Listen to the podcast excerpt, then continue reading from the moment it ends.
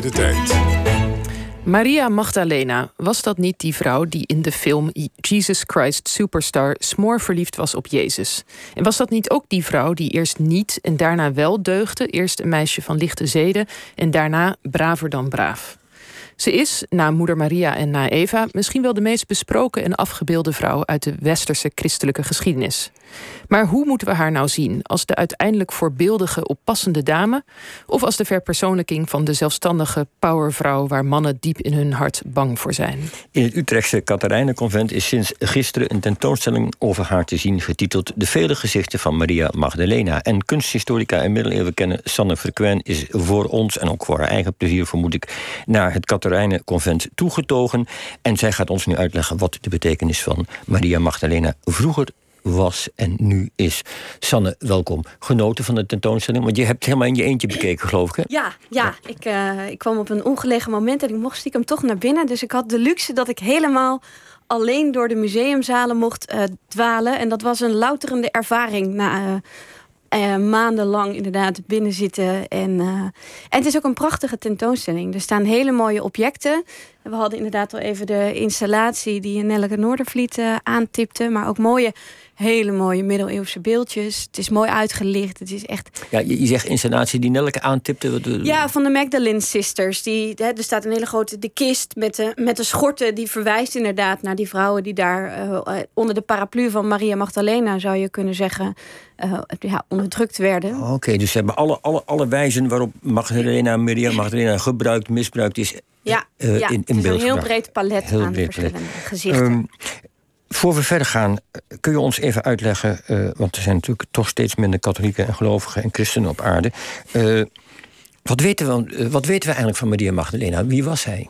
Ja, en, nou ja, Maria Magdalena kennen we natuurlijk in eerste instantie uit de Bijbel. Alle evangelisten in de Bijbel uh, vertellen over haar. Um, uh, niet altijd precies hetzelfde. Hè. Er zijn verschillende uh, stukjes van informatie. Bijvoorbeeld in Lucas wordt ze beschreven als een zondares. En Johannes beschrijft haar als de zus van Maria van Betanië. Maar eigenlijk zijn ze het over één belangrijk ding eens met z'n allen. En ze was aanwezig bij die laatste uren van Christus, bij de kruisiging. En na de verrijzenis van Christus um, gaat zij naar dat graf en treft dat daar leeg aan. En dan zegt Johannes, ja, er zijn twee engelen. En er is een man van wie ze in eerste instantie denkt dat het de tuinman is. Wat ik persoonlijk nogal een geniaal uh, uh, elementje in het verhaal vind. Maar dat blijkt dan natuurlijk Christus te zijn. He, die zegt tegen haar die bekende zin: Noli me tangere, raak me niet aan. En daarmee um, um, is, zij, ja, is zij eigenlijk een heel belangrijke, verhaal, of een belangrijke persoon in dat verhaal dat leidersverhaal van Christus. Ja, want, want zij gaat dan vervolgens uh, naar de apostel en zegt: Heren, wat ik nou heb meegemaakt.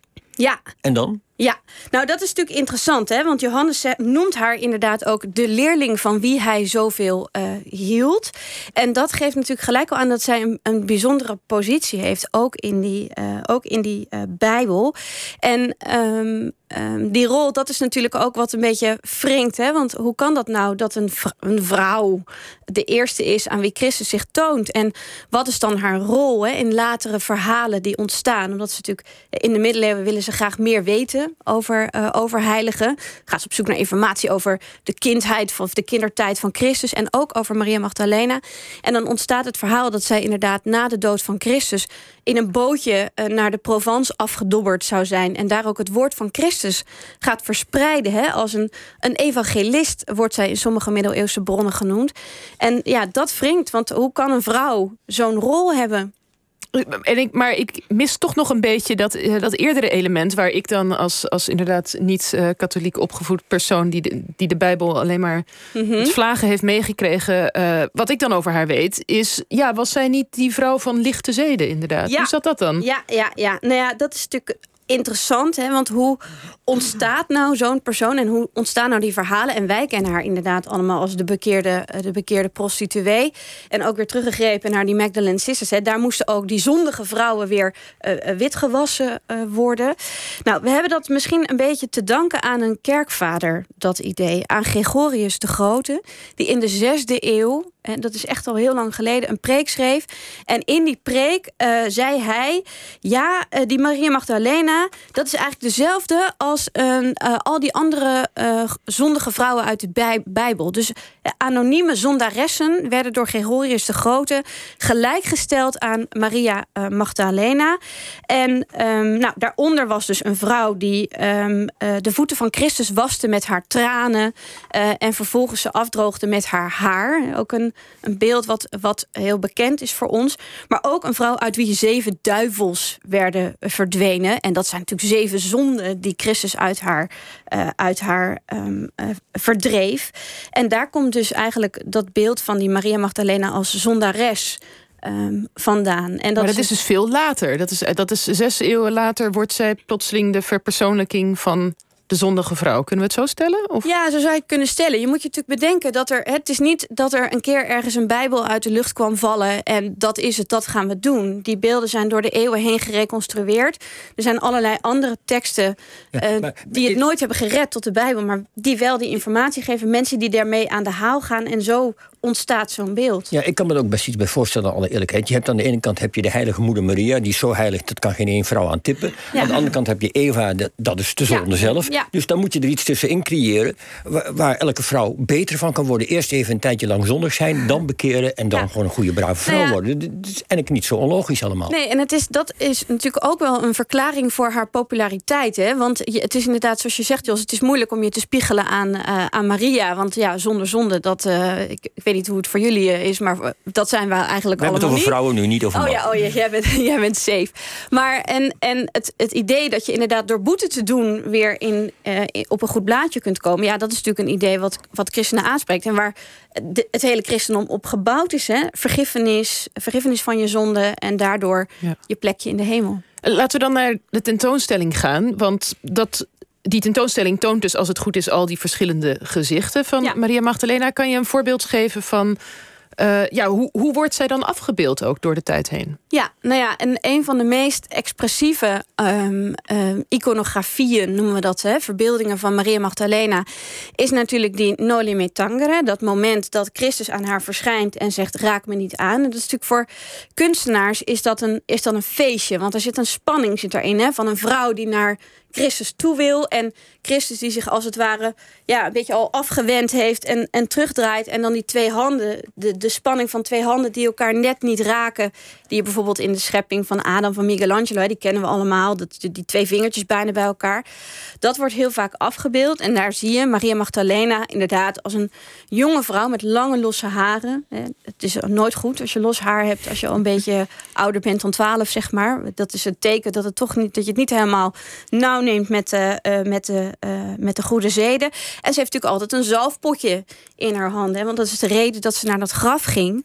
Om het lichaam van Christus te zalven. Uh, en daaraan kan je haar ook herkennen. En als je over die, over die tentoonstelling loopt, dan zie je daar ook eindeloos vaak dat zalfpotje op, opduiken. Waar dan die heerlijk geurende mirren in zou zitten.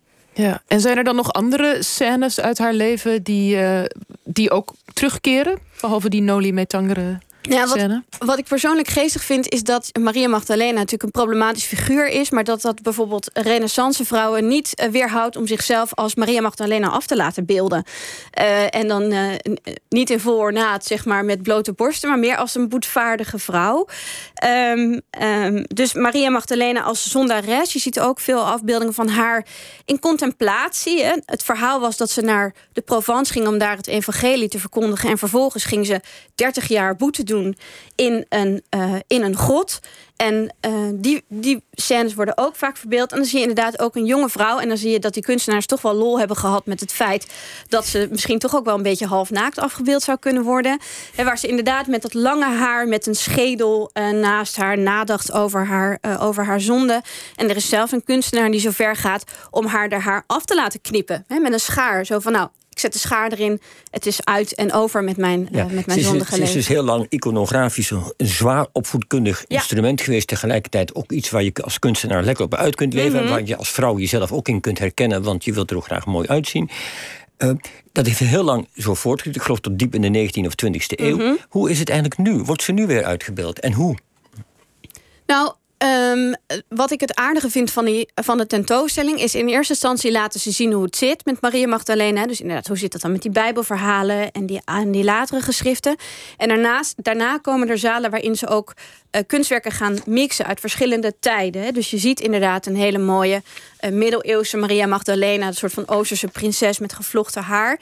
En daarnaast staan prachtige foto's van onder andere David LaChapelle, die Kim Kardashian portretteert als Maria Magdalena. Ehm, ehm, en waar zij dus eigenlijk, zou je kunnen zeggen, deel uitmaakt van de heilige drie-eenheid. Want Kim Kardashian uh, die staat daar naakt, alleen maar bedekt door haar. Achter haar is een soort van duistere figuur die we eigenlijk, waarvan we alleen maar de silhouet zien. Um, en op de hand van die figuur zit een witte duif. En dan eigenlijk de vader, eh, de dochter en de Heilige Geest, zou je kunnen zeggen. Dus daar wordt heel erg gespeeld, ook door moderne kunstenaars, met wat is Maria Magdalena nou? En dan krijgt ze toch meer de rol als, als powervrouw er, uh, er, is ook een videoclip te zien van Lady Gaga, waarbij we Lady Gaga zien die moet kiezen tussen of Judas of Christus. Um, um, en dan, ja, dan, dan gaat het ineens niet meer zozeer over, over boetvaardigheid en over zonde, maar gaat het over autonoom. Hè? Ik, ik, kies, ik kies misschien voor de slechte, maar dat is mijn keuze. Um, en ik draag de, de consequenties daarvan. Maar is het dus nu een rolmodel voor de moderne, zichzelf van haar eigen seksualiteit uh, bewuste vrouw? Nou, ik weet niet of ik er een rolmodel zou willen noemen. Het is in ieder geval een manier om daarover na te denken en om dat te bevragen. En om te reageren op honderden jaren aan wat uh, sommige vrouwen dan uh, ervaren als hè, onderdrukking. Want in, in verhalen als de Da Vinci Code, de populaire uh, uh, cultuur, zijn we natuurlijk ook een beetje opgevoed met het idee dat de stem van Maria Magdalena niet gehoord is. Hè? Dat ze als het ware door, die, de, door de boze apostelen uit de geschiedenis is geschreven, omdat zij jaloers zijn op, op het feit dat zij dat zij dan de, de, ja, de, de dichtste bij Christus uh, stond. En daar. Met, met dat idee, dat motief, wordt natuurlijk nog steeds gespeeld in de moderne kunst. Dus het is misschien ook meer de, de worsteling waar zij voor staat. Uh, ja. Tussen uh, zonde en, en bekering en dat soort ja. thema's, dat zijn meer thema's die nog altijd aanspreken. Ja. En ook voor ja. kunstenaars, dus om af te, ja, af te en dat, en dat is natuurlijk, ik, ik vind het super om te zien dat dus dat idee, het, na die preek van Gregorius in de zesde eeuw, anno nu nog steeds relevant is. En dat we nog steeds bezig zijn met die vraag van ja, maar wat betekent dat nou? En, en dat laten zien in onze kunstwerken. En, uh, ja. En wat is nou, uh, kan je nog een favoriet kunstwerk noemen?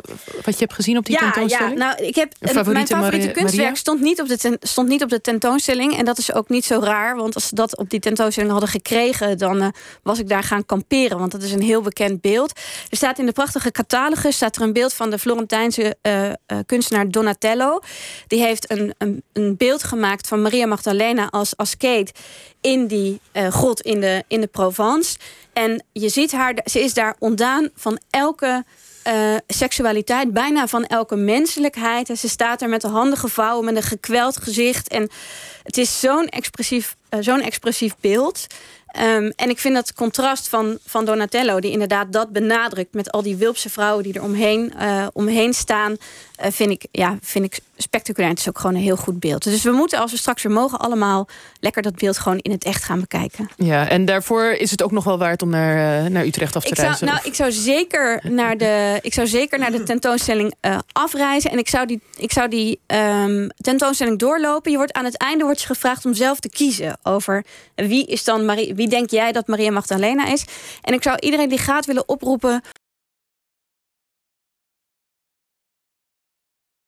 Niet alleen maar de kroongetuige is of alleen maar de zonderes, maar dat wat haar zo oneindig interessant maakt als figuur, juist dat hele brede palet is waar heel veel mensen zich in herkennen en, en wat mee doen of wat mee kunnen of over na kunnen denken. Maar ga, ja, gaat vooral. Oké, okay, Sanne Fraken, bedankt. De tentoonstelling over Maria Magdalena is tot 9 januari in het Katerijnenconvent te zien. En uh, wel graag even reserveren vanwege corona.